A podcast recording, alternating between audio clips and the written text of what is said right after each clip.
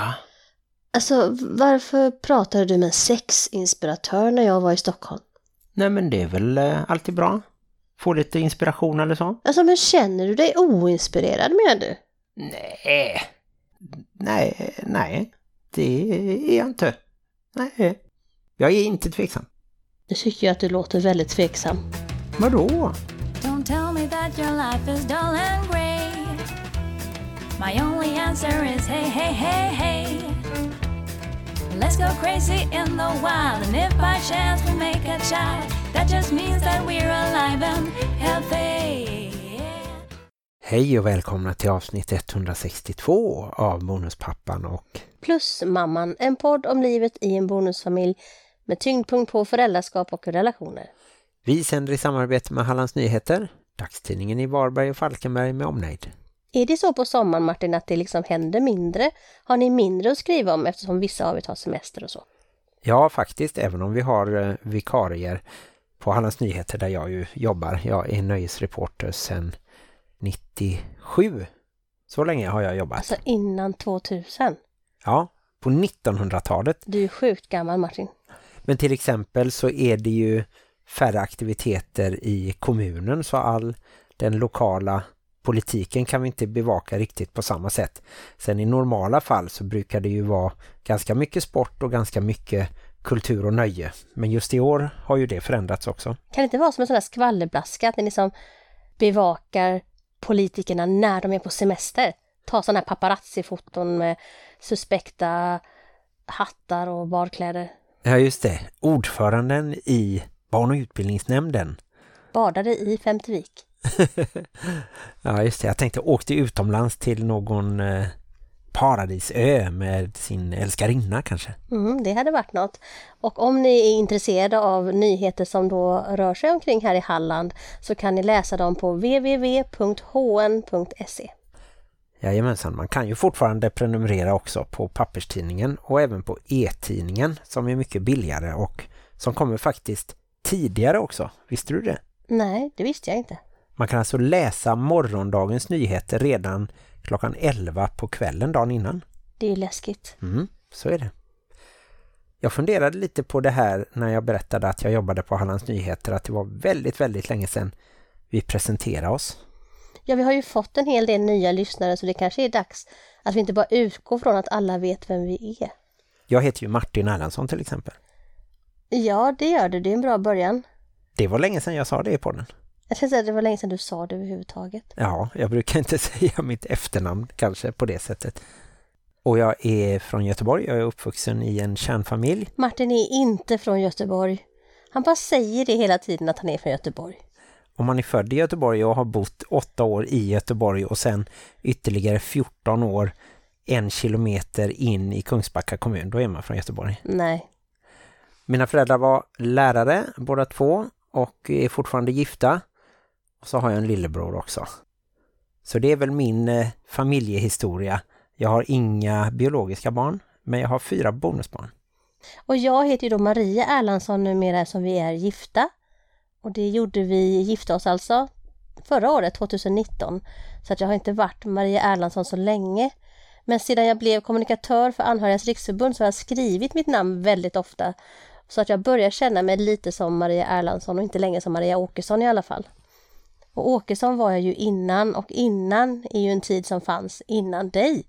Och då fick jag faktiskt fyra barn med två olika pappor. Men inte samtidigt. Utan det var ju först tre barn med en pappa och sen dröjde det lite och så kom minstingen med en annan pappa. Så var det och eh, medan jag levde med den pappan så var jag också bonusmamma till min dotters storebror. Så det är därför jag kallar mig själv för plusmamman, för jag är ju inte längre bonusmamma. Och då försökte vi komma på, vad är jag nu?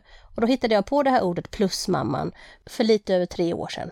Ja just det, och jag har ju fått vara lite pluspappa till Kevin också när han bodde här hos oss i sex veckor var det väl? Men det måste ju vara ett nytt ord, du kan inte ta pluspappa, för hade du varit pluspappa så hade du ju varit hans bonuspappa sedan tidigare, alltså varit tillsammans med hans mamma, alltså Lisa.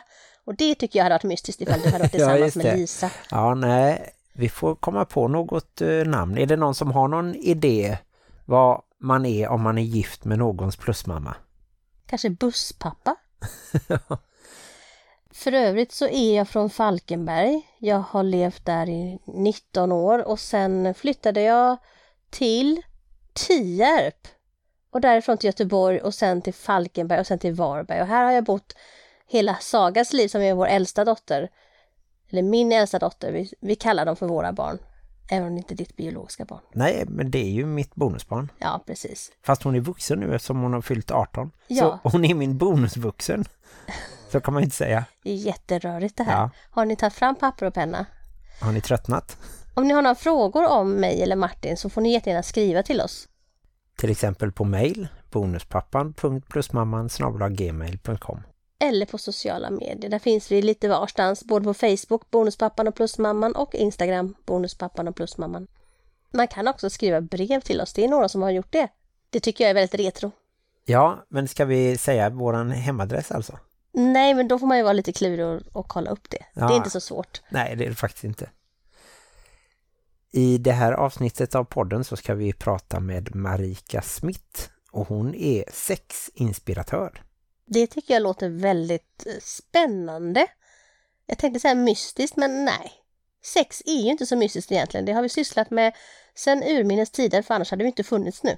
Mm. Hon fokuserar på allt det glada och friska kan man säga. Och inte på problemen i sexlivet. Nej. Vi har ju haft en sexolog med i podden, Linn Hed.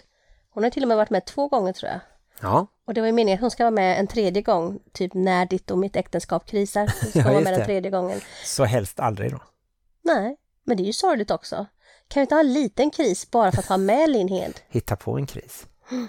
Med Marika så ska vi ju bland annat prata om eh, hur man gör för att bli nöjd med sexlivet när man är förälder. Jag tror du ska säga hur man gör barn. Det vet ju inte du för du har inte gjort några barn.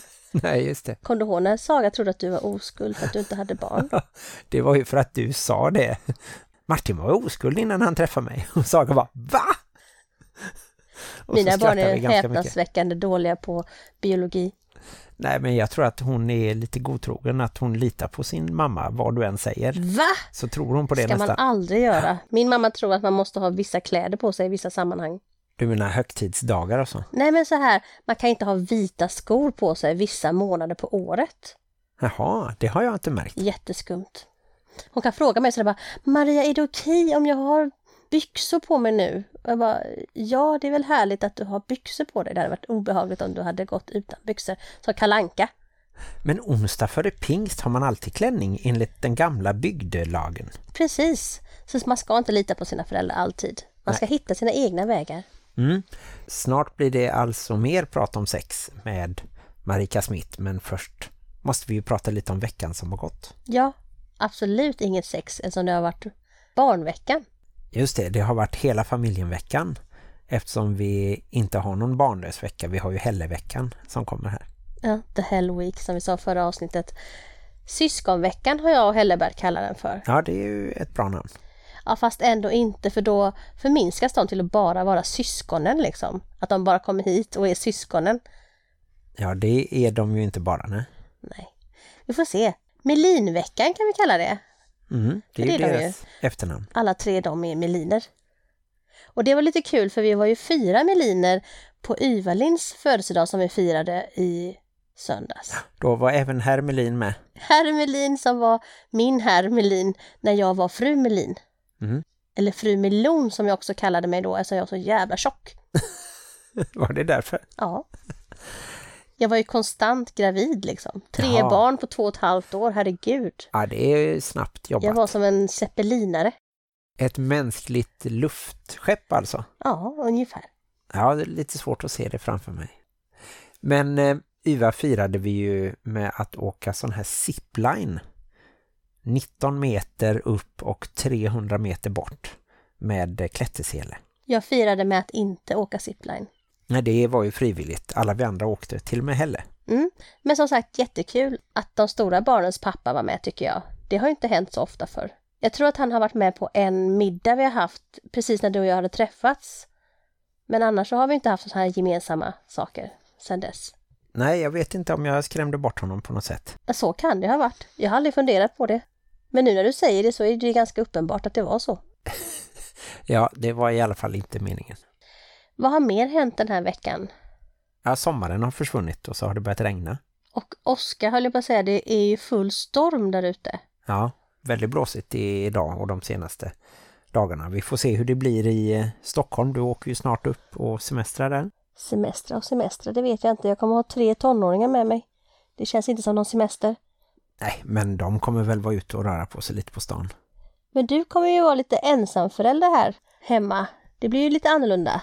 Ja, och då kanske jag har två barn av fyra beroende på var de väljer att bo. Ja. Yva har ju börjat sommarjobba förresten. Mm. Det är lite kul. För det har ju varit lite si och så med ifall det skulle bli av eller inte.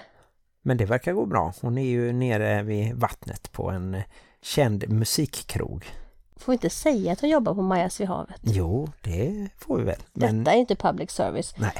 Och Lycke börjar ju snart sitt sommarjobb med de här dramatiserade visningarna på fästningen här i Varberg. Precis, han ska vara bockstensmannen. Jag tror han ska vara en vakt som är lite korkad. Ska han vara dig? Ungefär. Han kan ju härma mig så blir det Erkänn bra. att du är lite avundsjuk. Erkänn att du hade velat ha det sommarjobbet.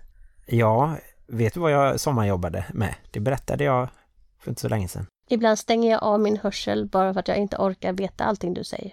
Jag jobbade med att fylla på kylgas i såna här gastuber. Och tyvärr så sprayade vi ut ganska mycket kylgas också med freon så att jag var med och förstörde ozonlagret. Är jag rädd? Det förklarar en hel del om dig Martin. Att jag Varför gjorde ni sniffade in. så? Får man det? Är det inte olagligt? Kan man anmäla dem i efterhand? Ja, det var ju sent 80-tal så att eh, det kanske är, är preskriberat nu men det var ju chefen som sa åt oss att göra så. Så det var dåligt. Du var ingen sån eh, rättskämpe på den tiden Nej, jag var inte lika mycket klimataktivist. som du är nu. Är en intensiv trädkramare. Ja, jag sorterar i alla fall våra sopor. Det är jag tacksam för. Sen så ska ju det bli kul också att eh, se och höra Lycke när han och hans band har sin första officiella spelning tror jag att det är. End of Summer Escape Plan heter de i alla fall. Ja, och det heter de på Instagram också. Så om ni är lite intresserade av att se dem där så gå in och, och följ dem. Mm.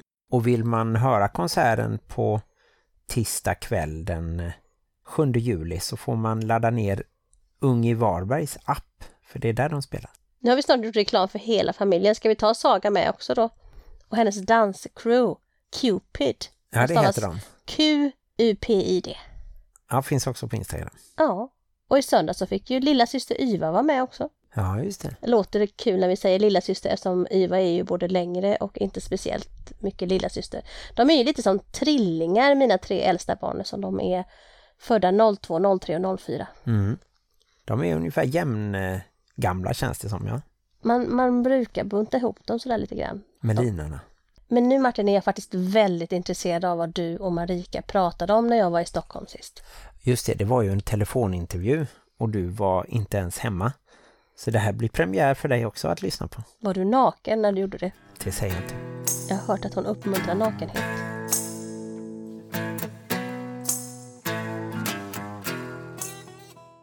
Hej Marika Smith och välkommen till podden. Tack så jättemycket. Var i Sverige finns du någonstans? Jag finns i Stockholm, Mm. i Fruängen. Fruängen, ja. ja. Och hur skulle du beskriva dig själv och ditt yrke? Ja, jag sitter ju väldigt mycket ihop med mitt yrke eftersom jag jobbar med någonting jag verkligen brinner för och älskar och lever dygnet runt. jag är sexinspiratör och det är en titel som jag har hittat på själv och som jag tycker beskriver väldigt bra hur jag arbetar som ja, sexualupplysare är väl den enklaste förklaringen. Att jag fokuserar mest på det som är friskt och glatt och härligt i folks sexualitet eller längtan efter sexualitet. Och sen så jobbar vi oss fram mot det snarare än att troubleshoota problem enbart. Ja, just det. Så det är utgångspunkten och det gör jag på en rad olika sätt.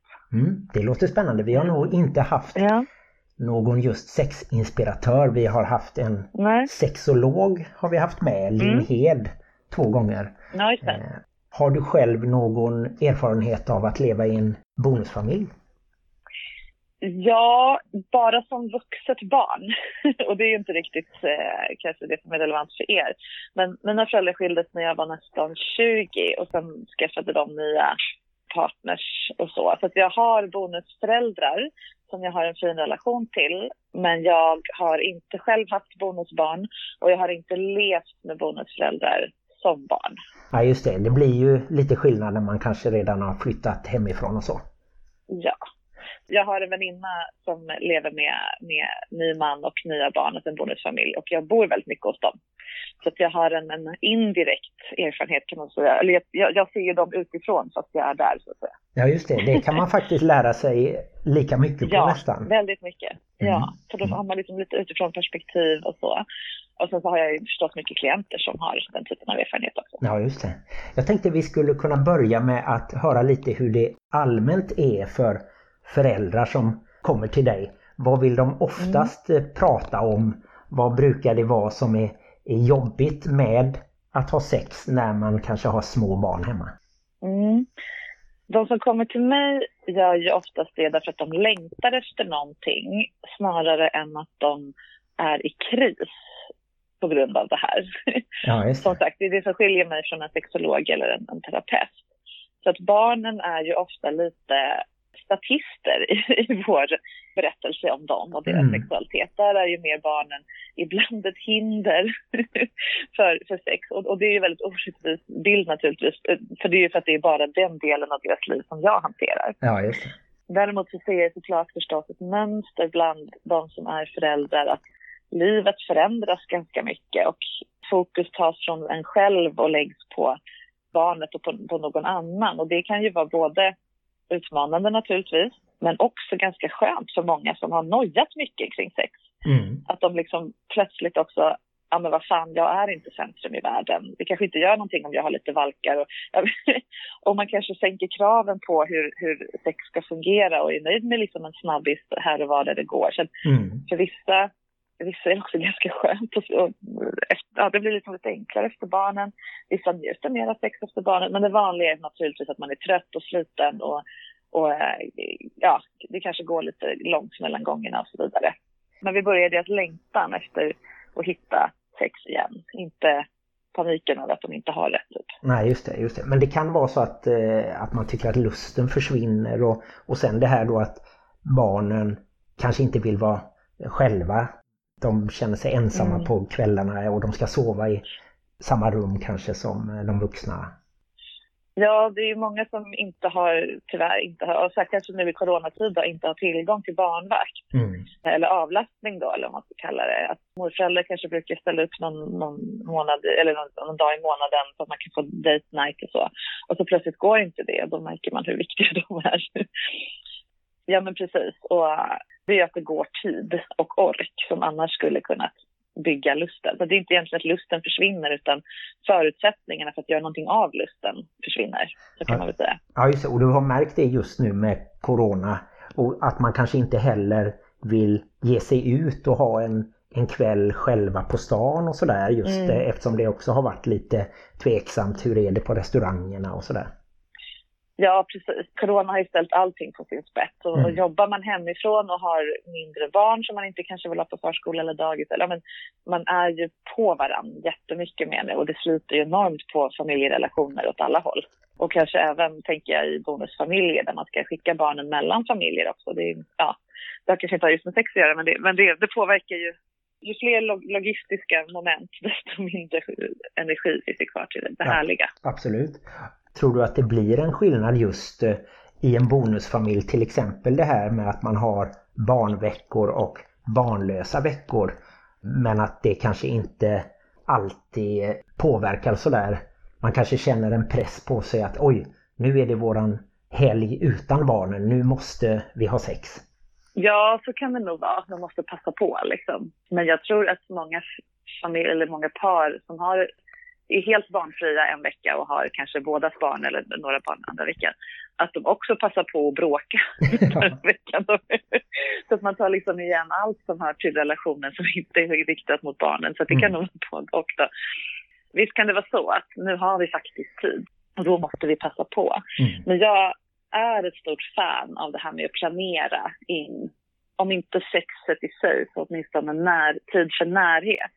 Och kanske ännu bättre då som sagt, som du sa, när man inte då kan gå på restaurang och bio och såna här aktiviteter som ju, man kan ju inte ha sex på bio och restaurang, man kan, men de, de flesta tycker inte att det är riktigt lämpligt.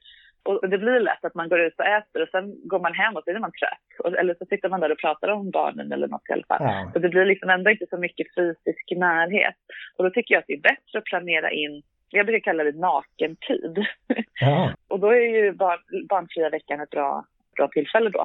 Mm. Om man nu har lyxen att ha en sån. Vissa har ju bonusbarn, något barn hela tiden. Och ja, eller gemensamt barn som inte byter plats och så vidare. Men när man har lite lugnare då, att man bokar in tid för närhet. Och på torsdagar klockan nio när sista barnet lagt sig, då, eller hur det nu är, mm. då, har vi, då ska vi vara nakna med varandra. Mm. Och vi behöver inte ha sex, utan vi kan känna efter. Vill vi ligga under täcket och kolla på Netflix nakna? Vill vi ta ett bad tillsammans? Och så vidare. Men när man väl ligger där och är naken och har den här hudkontakten nära med någon där det inte förväntas att man ska ha sex, men man ändå vet att det här gör vi bara med varandra. Liksom. Det, här, det här är en manifestation av mm. att vi faktiskt är ihop och är kära i varandra och, och, och romantiska med varandra. Då är ju tröskeln till att faktiskt ha lite sex eller känna, känna lust ganska låg. Därför att det blir liksom inte ett helt projekt att ah, måste jag duscha, så ska vi klä av och så ska det vara en liksom förförelsegrej och så ska vi göra alla de här 71 grejerna och sen kan vi sova liksom och så mm. tar det en massa timmar. Så. Utan det kan bli en liten en smakprovssex. det kanske bara är att man ligger där och kollar Netflix och så slinker den in ett par minuter. Ja. så blev det inget mer. Men då har man laddat och man tankat den här både närheten och känslan av att vara sexuell för den andra. För det, det är ofta det som är problemet mm. när man har småbarn och det är en slitig period. Att man blir lite så här, parhästar. Ja, just, just det. Det blir lite för mycket företag och eh, ja. för lite familj ja. eller par. Och jag kan tänka mig också att om man då skulle planera in och säga ungefär som när vi intervjuade Tobias Persson, komikern, när han berättade om eh, IVF hur de höll på i flera år och då var det ju planerat liksom nej men 12.45 då ska vi åka hem på lunchen då måste jag bli befruktad liksom för att då är chansen som störst. Mm. Då blir det ju så oromantiskt. Så just det där kanske att ta tillbaka det ett steg precis som du säger att ja men bara vi är avklädda så behöver vi inte planera mer i detalj utan mm. sen får det vara spontant efter det. Ja, precis. För det man gör då det är att man avsätter tid som gör det möjligt för spontan lust att uppstå. Mm, mm snarare än att man planerar in själva sexet. Så många tycker som säger att det, det, känns oromantiskt att tänka att vi måste planera in, in sex. Men man planerar in träning och man planerar in mat och allt annat som man behöver i livet och som man tycker är viktigt. Och, mm, och mm. Det som inte är viktigt blir inte av. det som inte är planerat blir liksom inte av eh, i, i en busy schedule. Och det, och det viktiga är ju att det är inte själva sexet som är det viktigaste för att hålla lusten vid liv, utan det är att bli tittad på som sexuell eller mm. liksom känna sig sexuell nära partnern. För att bara att få liksom den där blicken eller ett sexigt sms under en period när man inte vill eller kan eller får av olika skäl ligga det gör den här vi-känslan som, som är så viktig för att man ska orka liksom med hela pusslet och all, allting. Mm. Och det är det som sex bygger. Och den som längtar efter sex mest i relationen brukar egentligen inte längta jättemycket, eh, eller mest efter det fysiska, utan just det här att känna sig som den, den, sex, mm. den du är sexuell med. Därför att då är man utvald, då är man den enda, liksom, om man nu har en monogam relation och så vidare. Och det är så himla viktigt. Och det är en kanal för närhet som inte går att ersätta med någonting annat. Men det måste inte vara ligg, utan mm, mm. sexuell kontakt i någon form. Och man kan börja bygga upp det lite under dagen egentligen om man vet om man har sin egen kväll då ja, framför sig. Ja, det kan man göra om, om precis, absolut. Många människor är ju det man brukar kalla för responsiva i sin lust. Att man får helt enkelt inte, även i perioder där, som är gynnsamma för sex, eller man inte kanske har småbarn och så, får inte lust bara sådär out of the blue, utan de behöver någon form av inspiration eller bli triggade eller förförda eller liksom, de mm. känner kåthet först när kroppen redan är i en sexuell situation så att säga. Och då är det jättebra att använda alla förbudsstående medel för att skapa den situationen långt innan man har möjlighet att faktiskt vara fysiska mm, med varandra. Mm. Så, liksom. Mm. Att båda får, får chans att bli lite liksom hungriga. Men det ska vi också komma ihåg att när man har fått barn, antingen direkt efter eller flera år efter, man, många tänker så, men hur ska vi komma tillbaka? Hur ska vi hitta tillbaka till vår, vår sexlust eller vår sexualitet? Och det gör man inte, utan det skapas en helt ny typ av sexuell kontakt. För det kommer inte kännas som det gjorde i början. Och det kommer inte, kroppen är inte likadan och hormonerna och prioriteringarna är inte likadana. Så det man ska göra det är att försöka ha inställningen att man ska hitta en, ett nytt sätt att vara, ett nytt sexuellt äventyr tillsammans. Vem är du som pappa, mm, mm. fast inte till, ja, till barnet då. Eller vem, vem är jag som sexuell mamma, liksom, eller kvin, kvinna som har fött barn. Många kvinnor upplever att deras kroppar förändras jättemycket, inte bara att brösten hänger och, då, och vaginan känns annorlunda, utan också liksom man blir känsligare på vissa ställen. Man får nästan se sig själv som liksom oskuld igen och börja upptäcka allt från grunden och testa olika tekniker för stimulans och vad gillar jag och sådär. Och det kan man ju först göra när man känner att man äger sin kropp igen. Många upplever att en graviditet kan vara nästan lite traumatisk för att den, och förlossningen också naturligtvis, för att den tar ens kropp i besittning. Den är så mycket, väldigt tydligt till för någon annan och det ja. kan ju pågå hela amningsperioden också naturligtvis. Man har en unge hänga i tuttarna hela tiden. så att när man väl kan återerövra sin kropp så behöver man få göra det innan någon annan gör anspråk på den. Så det är jätteviktigt att man får mycket egen tid och möjlighet att ta ett långt varmt bad, smörja in sig med en skön kräm, träffa väninnor och prata om vuxensaker och så vidare och, och, ha en vuxen relation till sin partner också. Då kan man börja liksom utforska vilken typ av sexuell är jag nu? Vad är jag sugen på för typ av erotiska upplevelser till att börja med? Så att man inte försöker hitta tillbaka eller komma i form igen eller liksom stryka alla de begreppen och hitta det nya istället. Det blir mycket mycket mer spännande. Mm. Det blir som att man startar om sitt sexliv lite ja. Att man börjar, ja, ja. ja även om man inte börjar på noll på ett sätt men, men man... Nej, nej. I, i men, mentalt... Men, lite som, ja, men om man har den inställningen att jag vet ingenting om den här kroppen och den här hjärnan mm. ur, ur sexperspektiv. Ska vi utforska det tillsammans? Liksom? Ja, jag börjar med mig själv men sen så bjuder jag in min partner att jaha, oj, kan, i bröst, känns brösten så här nu? Wow, coolt liksom. Ja, ja. Och kan det finnas eh, någonting som blockerar lite det här med att man kanske särskilt i början när barnen är små är så inriktad på att man måste ta hand om dem och, och fokus mm. ligger liksom det är en annan typ av egenskaper som man prioriterar då, det här omhändertagande och sen måste man liksom ta bort det för att få in den, den sexiga känslan. Ja, det är ju svårare att hoppa mellan rollerna kanske när man har ett barn. Och ju mindre barnet är, ju, ju starkare anknytning har man ju rent biologiskt liksom till själva ta hand om. Alltså ju, mm. ju, mer, ju mer sårbart barnet är, desto mer eh, känslig blir man ju för det. Ju mer ta hand om instinkt triggas i en. Och framförallt kvinnor kan behöva hjälp med att stänga av den här ta hand om funktionen i hjärnan lite just vid, vid sexuella tillfällen. Mm. Och vi har ganska svårt för det om vi inte får, får hjälp. Och det viktigaste är ju, om, om vi nu tänker ett heteropar för enkelhetens skull, för det är ofta där det blir ett problem. Det viktigaste är ju att mannen då hjälper kvinnan att göra det genom att inte själv bete sig som ett barn. Mm. Det vill säga gnälla över, det var så länge sedan vi hade sex.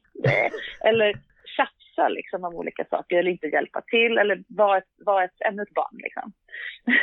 så ju vuxnare mannen beter sig, desto lättare blir det för kvinnan att stänga av, ta hand om knappen i hjärnan och gå in i den kåta delen. Så man mm. kan inte vara kåt och omhändertagande samtidigt. Man måste pausa mammarollen för att kunna vara liksom egoistisk eller vad man ska säga, mm. självcentrerad, liksom njutningsorienterad på det sätt som krävs för att man ska bli kåt och få orgasm.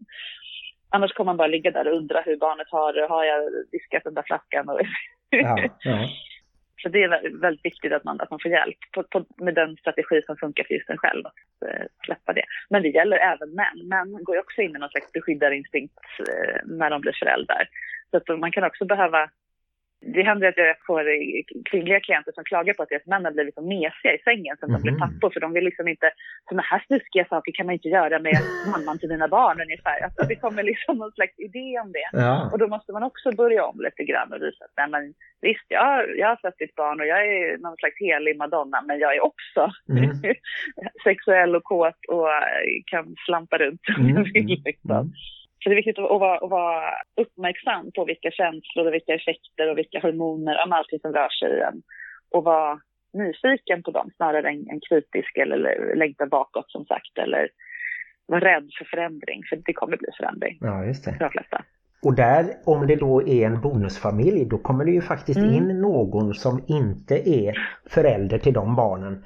Då kan i och för sig den personen ha barn med sig också sen tidigare och, och Mm. sen senare kan det bli gemensamma barn och så men det blir en lite annan dynamik där i Mm. alla fall och jag vet inte om det är på gott eller ont, det kan ju vara både och men hur tänker du kring det där då att eh, då kommer det en person då som barnen inte riktigt känner lika bra och så Mm. den personen liksom tar ju tid och energi från deras mamma och deras mamma kanske, eller pappa Mm. då, börjar bete sig lite annorlunda och blir liksom nyförälskad Mm. och gå, gå och pussa på den här nya partnern på ett sätt som man kanske Mm. inte gjorde med tidigare med den biologiska pappan. Och, hur, hur ser du Just på, på sådana situationer? Ja, det är lite utanför mitt expertområde just vad det gör med barnen psykologiskt. Det är lite så här, det skiter.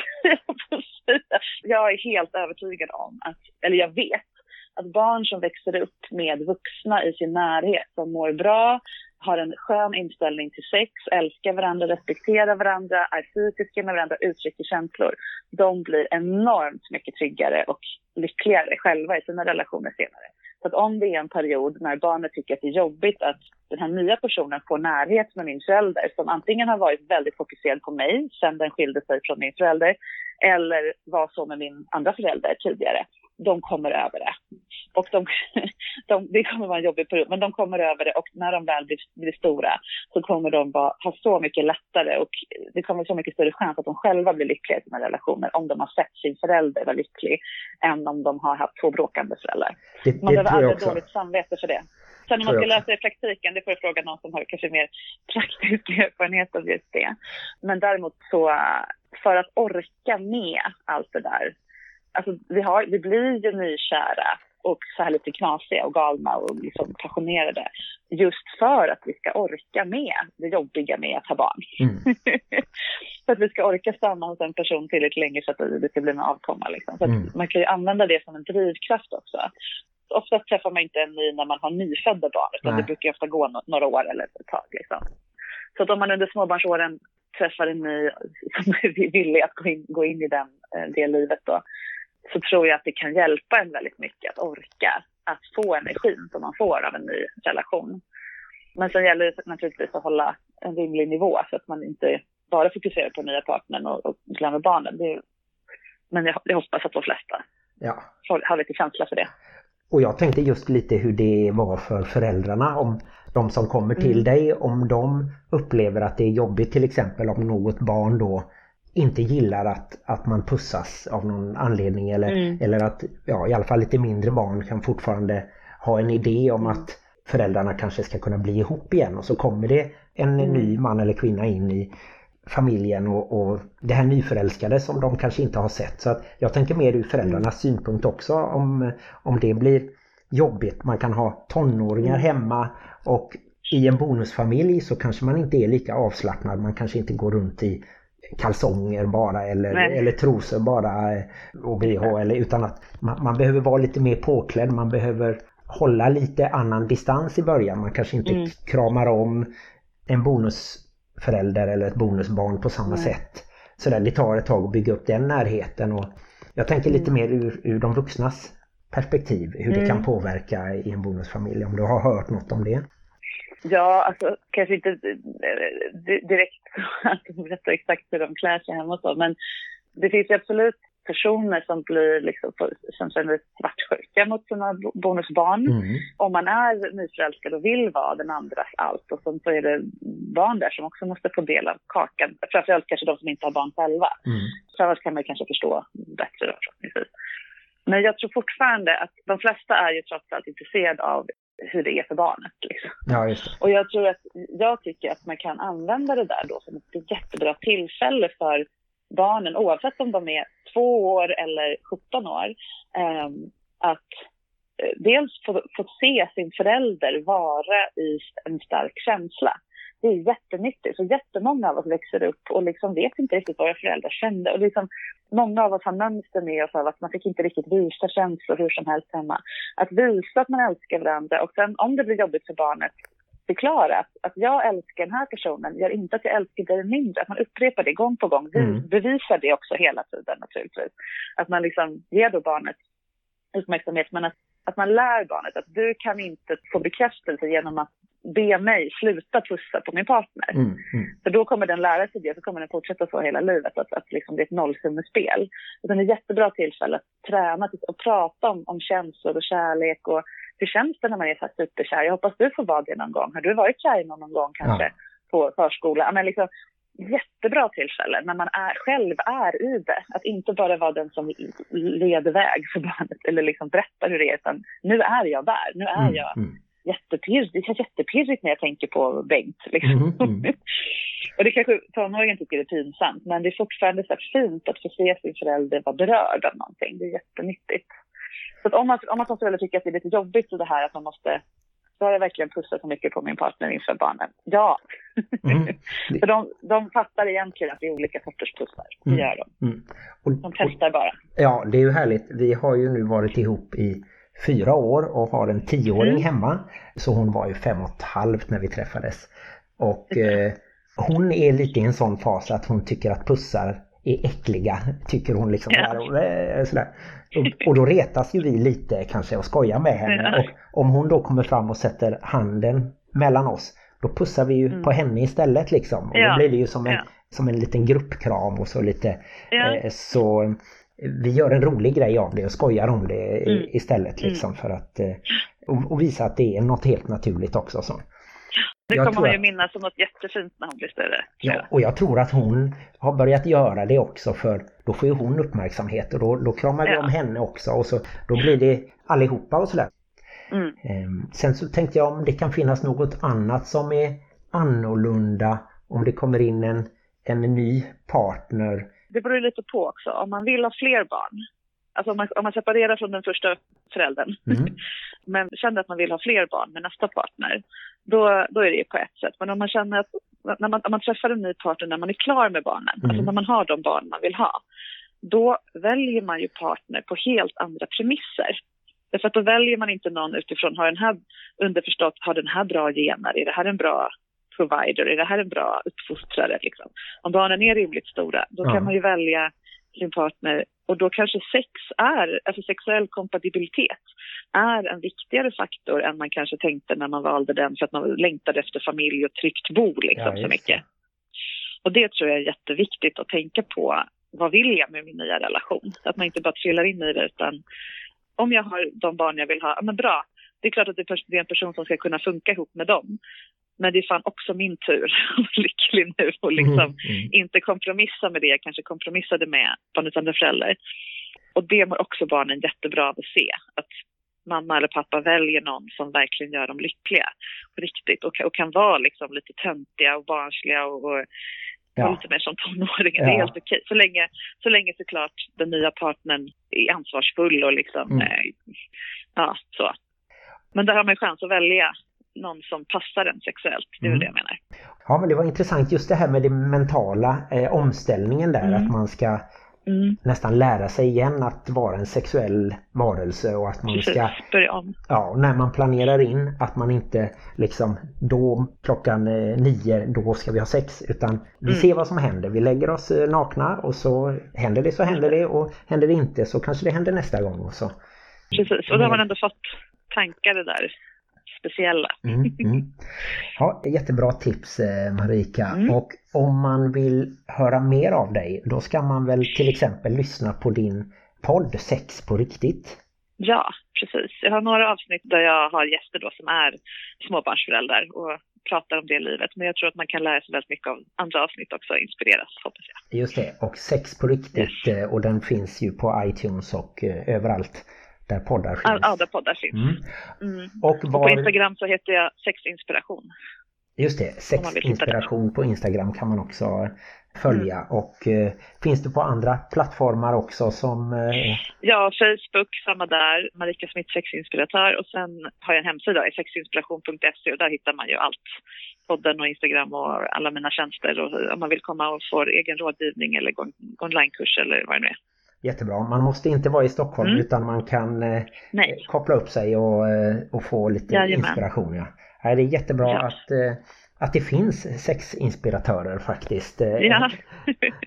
Många behöver ju inte sexterapi eller ens, ens relationsterapi utan de behöver bara få prata om sex och lära sig kommunicera lite bättre så att det blir roligare. Ja.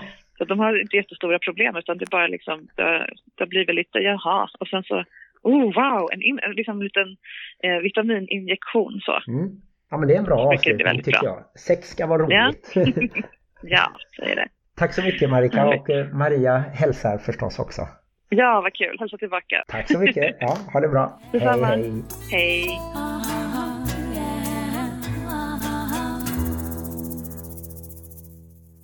Ja men tack Marika för den hälsningen och tack för intervjun.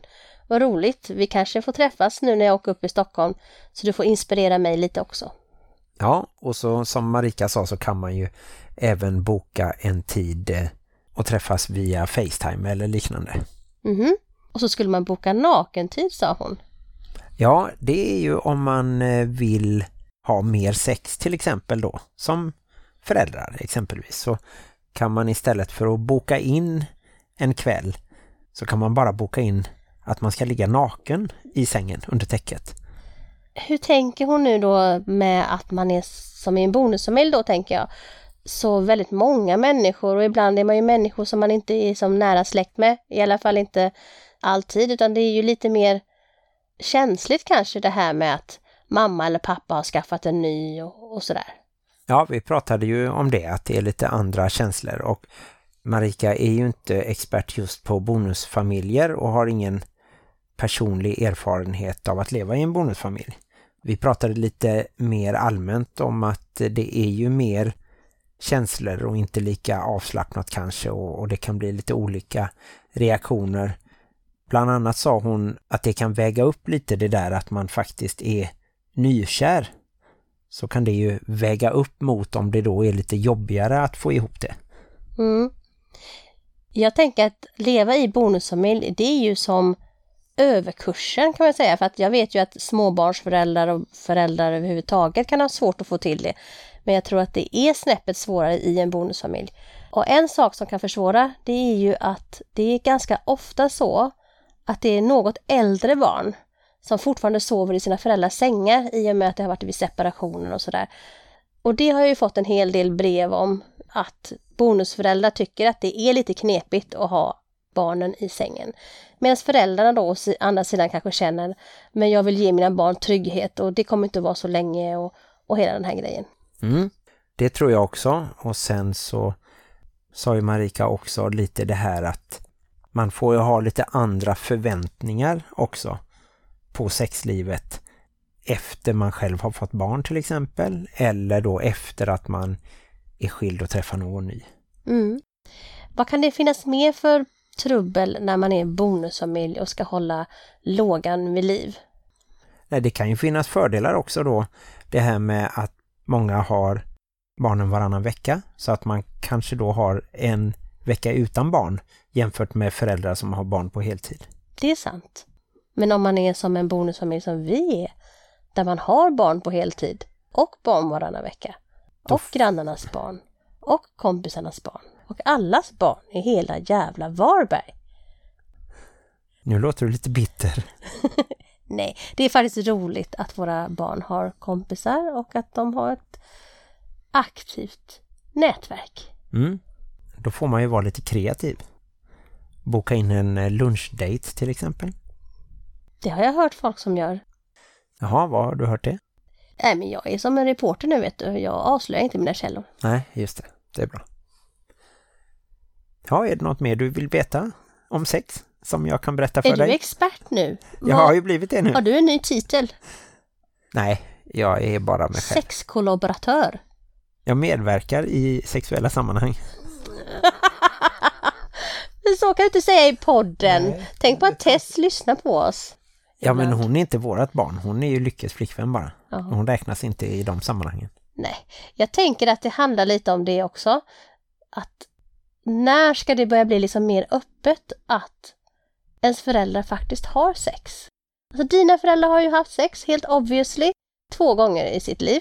Och mina föräldrar har ju haft sex två gånger i sitt liv. Jag menar, vi måste våga prata om det här. Ska vi prata om just de två gångerna? Nej, men det behöver inte bli så hysch-pyschigt. Det behöver inte bli så... Det är ju väldigt naturligt. Som jag sa innan, hade man inte haft sex så hade ju vi dött ut och inte funnits nu. Ja, ja, men det betyder ju inte att det är naturligt att prata med barnen om det. Bara för att det är naturligt att människor gör det. Nej, alltså det är svårt. Och jag tror att det kommer att fortsätta vara svårt. Men ändå så tycker jag att det har blivit bättre. Jo, men det är väl lite mer öppet ändå. Det kanske det är. Vi får se. Det kanske inte ska vara naturligt att prata sex med sina barn heller. Det kan ju vara lite weird. Ja, och ännu mer för en bonusförälder tror jag. Jo men det är helt klart, det är ju också svårare. Det är därför det är så svårt för oss att prata om detta nu. Vi vet inte vad vi ska säga, vi vet inte vad vi kan säga. Men om ni har någonting att säga om sex och frågor eller bara funderingar så tycker jag att ni ska gå in på Bonusfamiljernas diskussionsgrupp som finns på Facebook och lägga upp en tråd där som handlar om sex. Så lovar jag att svara någonting.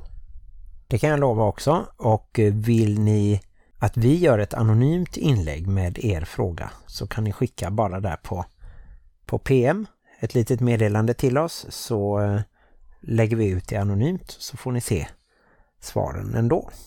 Det är ju fantastiskt. Mm. Det är ju en service vi har i diskussionsgruppen att man kan lägga ut anonyma inlägg. Nej men har du någonting sammanfattande att säga om det här med sexinspiration i bonusfamiljen Martin? Nej, jag tycker bara att eh, Marika Smith hade en väldigt eh, härlig inställning och eh, goda råd. Hon sa ord som eh, vi inte hade haft med tidigare i podden. Till exempel hängande bröst. Tror jag vi aldrig hade sagt innan. Varför inte? Det är väl inget fel på att säga hängande bröst? Nej, men det var ändå premiär i podden tror Det är jag. också naturligt. Bröst sticker liksom ut från kroppen och det är helt naturligt att de hänger på grund av gravitationen. Ja, På grund av gravitet och gravitation. De två orden är väldigt svåra att skilja på ibland. ja, just det. Det var Darwin som upptäckte en av dem. Mm. Mm. Men du har inga tips eller så nu? När du är expert och allting? Nej, i så fall så eh, tänker jag inte lämna dem gratis i den här podden. Vad taskigt. Då får jag ju starta en egen sextipssida i så fall. Martins sextips. Ingen kommer att skriva dit. Nej, det är därför jag inte har någon sån sida. Hörni allihopa, tack för att ni har lyssnat och vi hoppas att ni fortsätter att lyssna. Och även att ni går in på iTunes och ger oss ett litet betyg. Kanske inte just på detta avsnittet, för det här känns inte som att det har varit jättefantastiskt. Men alla andra helt fantastiska avsnitt. Och om inte annat så var ju Marika fantastisk i det här avsnittet. Precis, jag håller med. Och så säger jag som vanligt, glöm inte att livet i bonusfamiljen kan vara besvärligt. Men också härligt. Hej då! Tänk om man hade sagt att sexet i bonusfamiljen kan vara besvärligt, men också härligt. Ja men det stämmer väl också? Eller? I och för sig, varför sa vi inte det då?